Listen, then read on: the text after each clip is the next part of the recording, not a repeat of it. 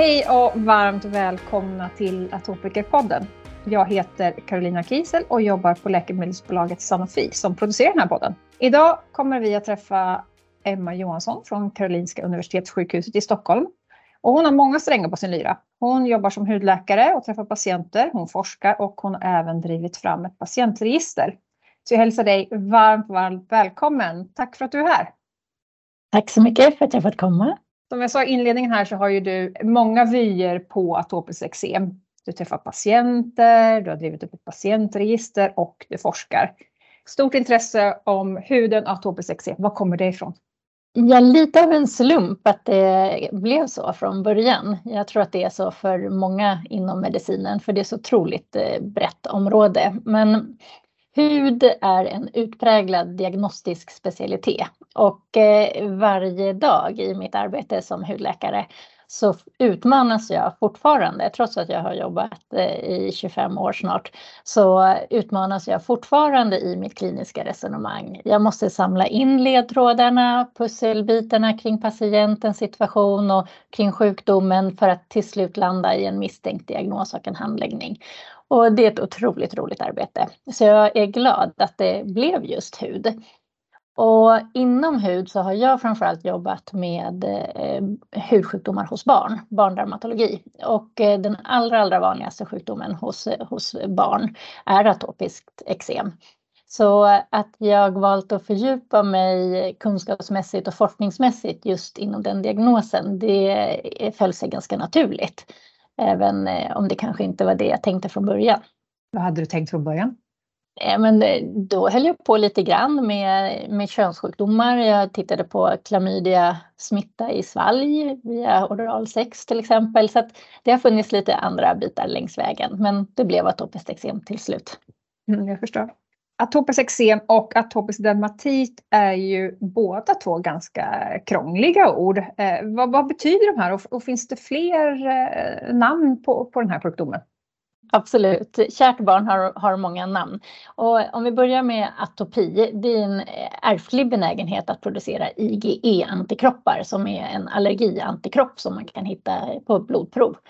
Eh, och eh, när man har den benägenheten så har man en benägenhet att ha flera olika sjukdomar, bland annat atopiskt eksem men också allergisk astma och eh, hösnuva.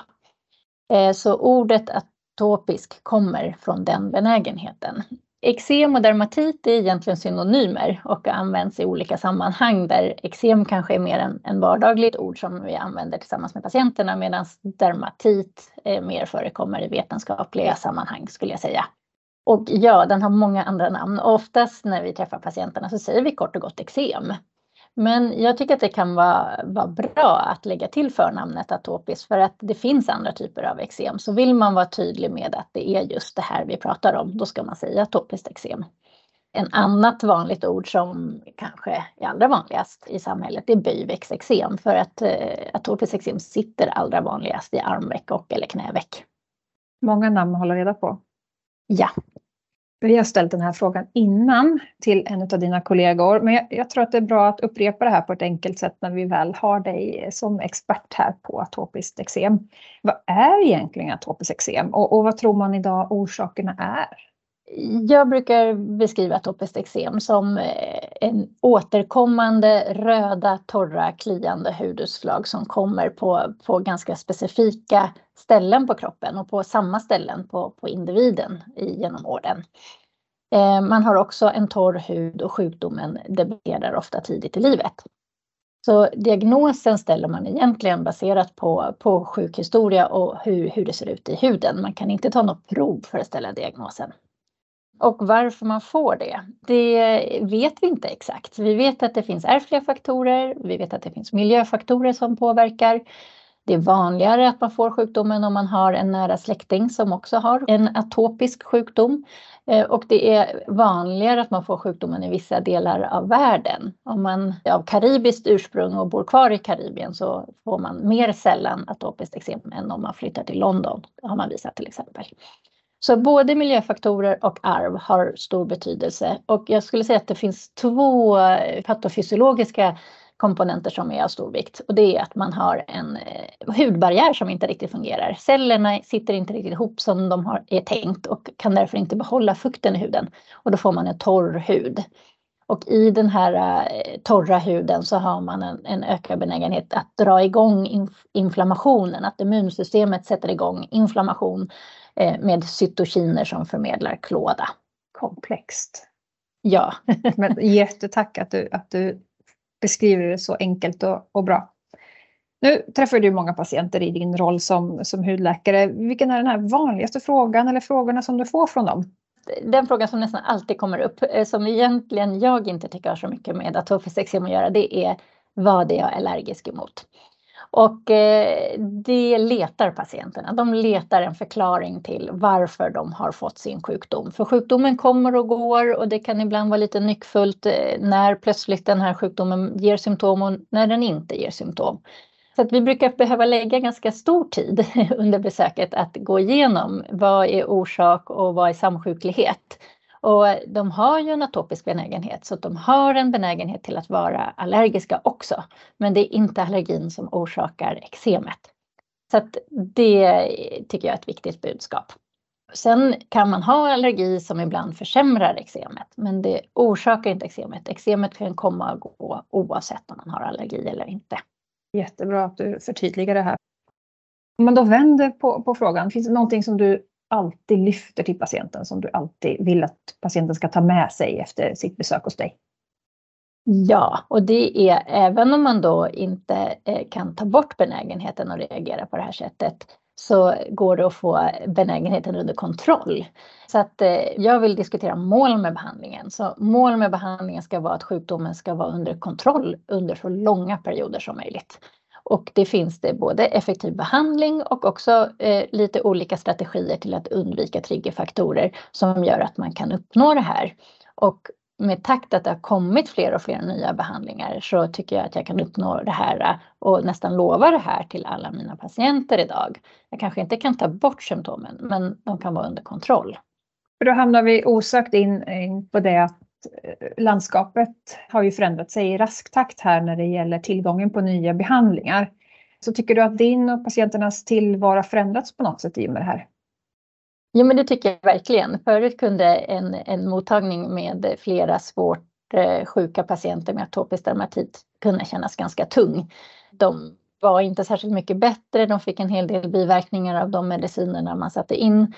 Eh, idag kan en sån här mottagning eh, bara vara jag mår bra, jag är bättre, eh, vi ses om ett halvår. Och det var lite roligt för jag hade en eh, ny sjuksköterska som eh, går introduktion hos oss. Hon satt med mig under en mottagning för några veckor sedan. Och hon sa just det efter mottagningen. Hon var vilka glada patienter du har. och då, då gjorde jag själv reflektionen, ja nu har jag det, men det hade jag nog faktiskt inte för några år sedan. Bra start för hennes, eh, hennes jobb också. Ja.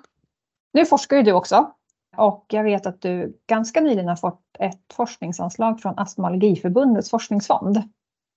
Så jag tänkte om du kunde få berätta lite om det här projektet och syftet och vad du hoppas att få för resultat ifrån det här projektet.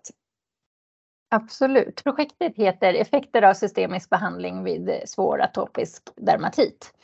Och eh, vi vill i det här projektet studera eh, effekter av systemisk behandling där det finns många nya behandlingar. Och eh, de är studerade i ganska kontrollerade miljöer på läkemedelsbolagen på utvalda patienter som ofta inte har så mycket samsjuklighet med andra sjukdomar. Eh, nu vill vi studera de här läkemedlen på våra riktiga patienter som faktiskt ska få läkemedlen framöver.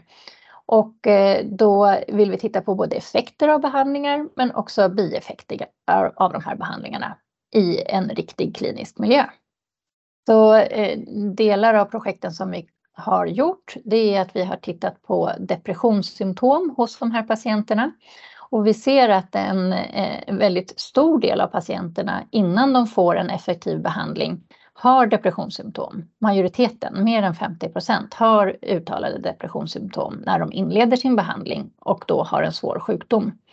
I takt med att eh, de får läkemedel som är effektiva och förbättrar atopiskt eksem så förbättras också depressionssymptomen. Och det är oavsett om de står på en antidepressiv behandling för sin depression eller inte. Så att eh, vi kan med de här läkemedlen inte bara behandla patientens hudsjukdom utan faktiskt också följdsjukdomar som depressionssymptom, vilket känns jättepositivt och viktigt.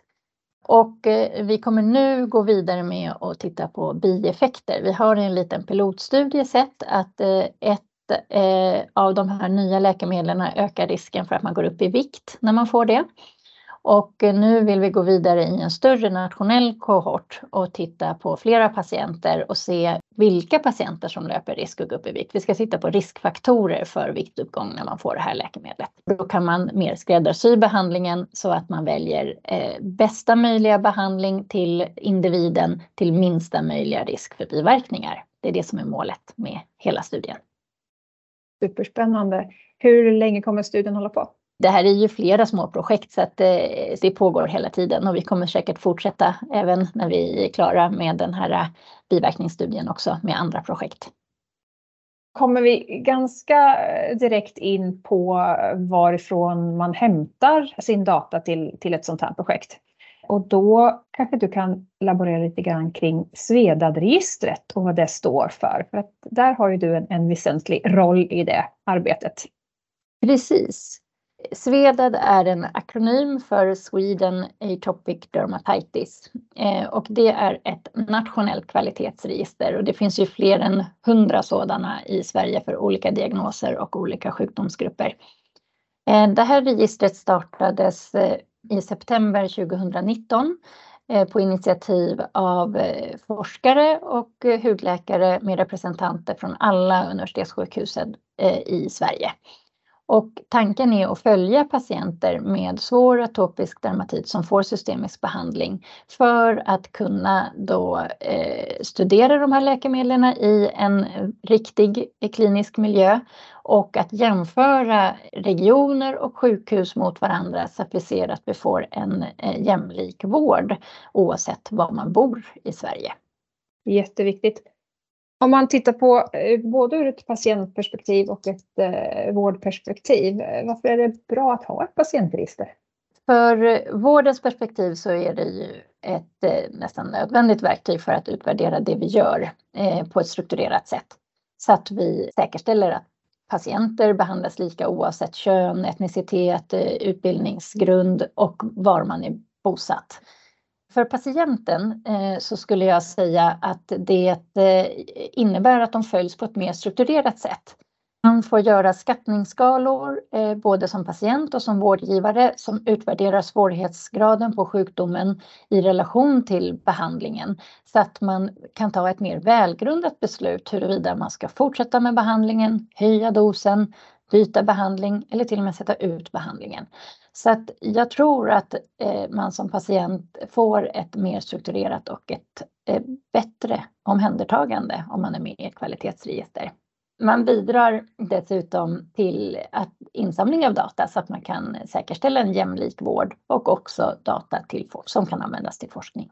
Jättebra om jag som patient som lyssnar inte vet om jag är med i patientregistret Svedad, hur, hur kan jag göra då? Behöver jag ansöka eller behöver jag nämna det för min läkare eller hur går det till? Ja, som patient eh, kan man inte ansöka om att få vara med i Svedad utan det är vårdgivaren som registrerar i Svedad. Sen registrerar även patienten data på vårdgivarens uppmaning. Men det är vårdgivaren som registrerar patienten och ska informera patienten om att den blir registrerad. Så att om man inte vet om att man är registrerad så bör man inte vara registrerad och då kan man fråga sin vårdgivare nästa gång. Vi har idag en ganska bra täckningsgrad när i stort sett alla sjukvårdskliniker runt om i Sverige är med och registrerar patienter och en del av de privata, men inte alla privata. Så går man på en privat mottagning är det inte säkert att vårdgivaren är ansluten. Men då tycker jag ändå att man kan efterfråga det. För alla vårdgivare har möjlighet att ansluta helt kostnadsfritt till vårt register. Och det skulle göra att patienten får nytta av detta. Så efterfråga det, tycker jag, hos vårdgivaren nästa besök. Jättebra. Med all din eh, stora kunskap som du har om atopiskt eksem, vilken information eller råd skulle du ge lyssnarna som kanske skulle göra deras liv lite enklare med eksem? Jag tänker att eh, man behöver etablera behandlingsmål tillsammans med sin vårdgivare. Många som kommer till mig har haft sin sjukdom hela livet. De är vid det här laget vuxna, de har prövat alla behandlingar, men har faktiskt inte tillräcklig kunskap om vad man kan förvänta sig av en behandling. Och bara genom att etablera behandlingsmål och hur långt man kan nå med olika behandlingar så tycker jag att många patienter upplever att de får en kontroll på sin sjukdom. Så jag tänker etablera ett behandlingsmål tillsammans med din vårdgivare. Och når man inte dit, kom överens om vad nästa steg är. Och hur etablerar man ett behandlingsmål? Ja, då får man ju fråga hur långt kan jag nå? Eh, vad är målet med den här behandlingen? Tycker jag man kan fråga sin, sin vårdgivare. Och för mig blir svaret oftast, du ska ha så långa besvärsfria perioder som möjligt. Vi kan inte ta bort sjukdomen, men så långa besvärsfria perioder som möjligt. Och för en individ kan det vara, jag vill kunna bada klorbad, det är jätteviktigt för mig att simträna, hur ska jag nå dit? Så man kan ju ha delmål i det där också, vad man vill kunna klara av. Jättebra, tack för den informationen och väldigt viktigt för patienten också att veta hur man ska be om och vad ett behandlingsmål är. Eh, sista frågan är en fråga jag ställer till, till alla gäster och den är mer personlig. Och den är riktad enbart till dig och då undrar jag vad är det som gör dig lycklig, Emma?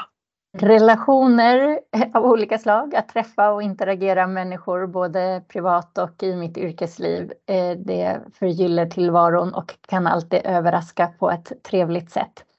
Sen eh, tycker jag väldigt mycket om naturen, så skogen, fjället, havet, sjön får väl vara också en bidragande orsak till det som jag tycker är lycka. Tack snälla. Det är inte lätt att, att definiera vad man blir lycklig av, men det där gjorde du väldigt bra.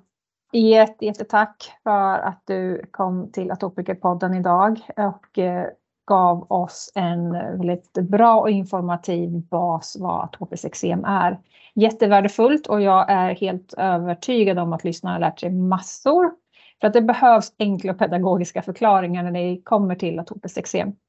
Och varmt lycka till eh, till ditt pågående forskningsprojekt och jag hoppas att jag kanske kan få bjuda tillbaka dig när du sitter på lite mer resultat om dina olika studier där. Absolut. Självklart är vi också intresserade av att få kanske lite mer svar vilken behandling som ger bäst effekt hos vilka patienter. Tack snälla för att du var med oss här idag. Tack så mycket. Nästa gång får vi möta Mikaela Odemyr som är ordförande i Astma och allergiförbundet. Hon har haft en tuff livsresa både med allergier och astma, både själv och i familjen. Så missa inte att ta del av hennes erfarenheter och kunskaper i nästa avsnitt om astma. Så tack snälla för att ni lyssnar igen och vi hörs snart igen.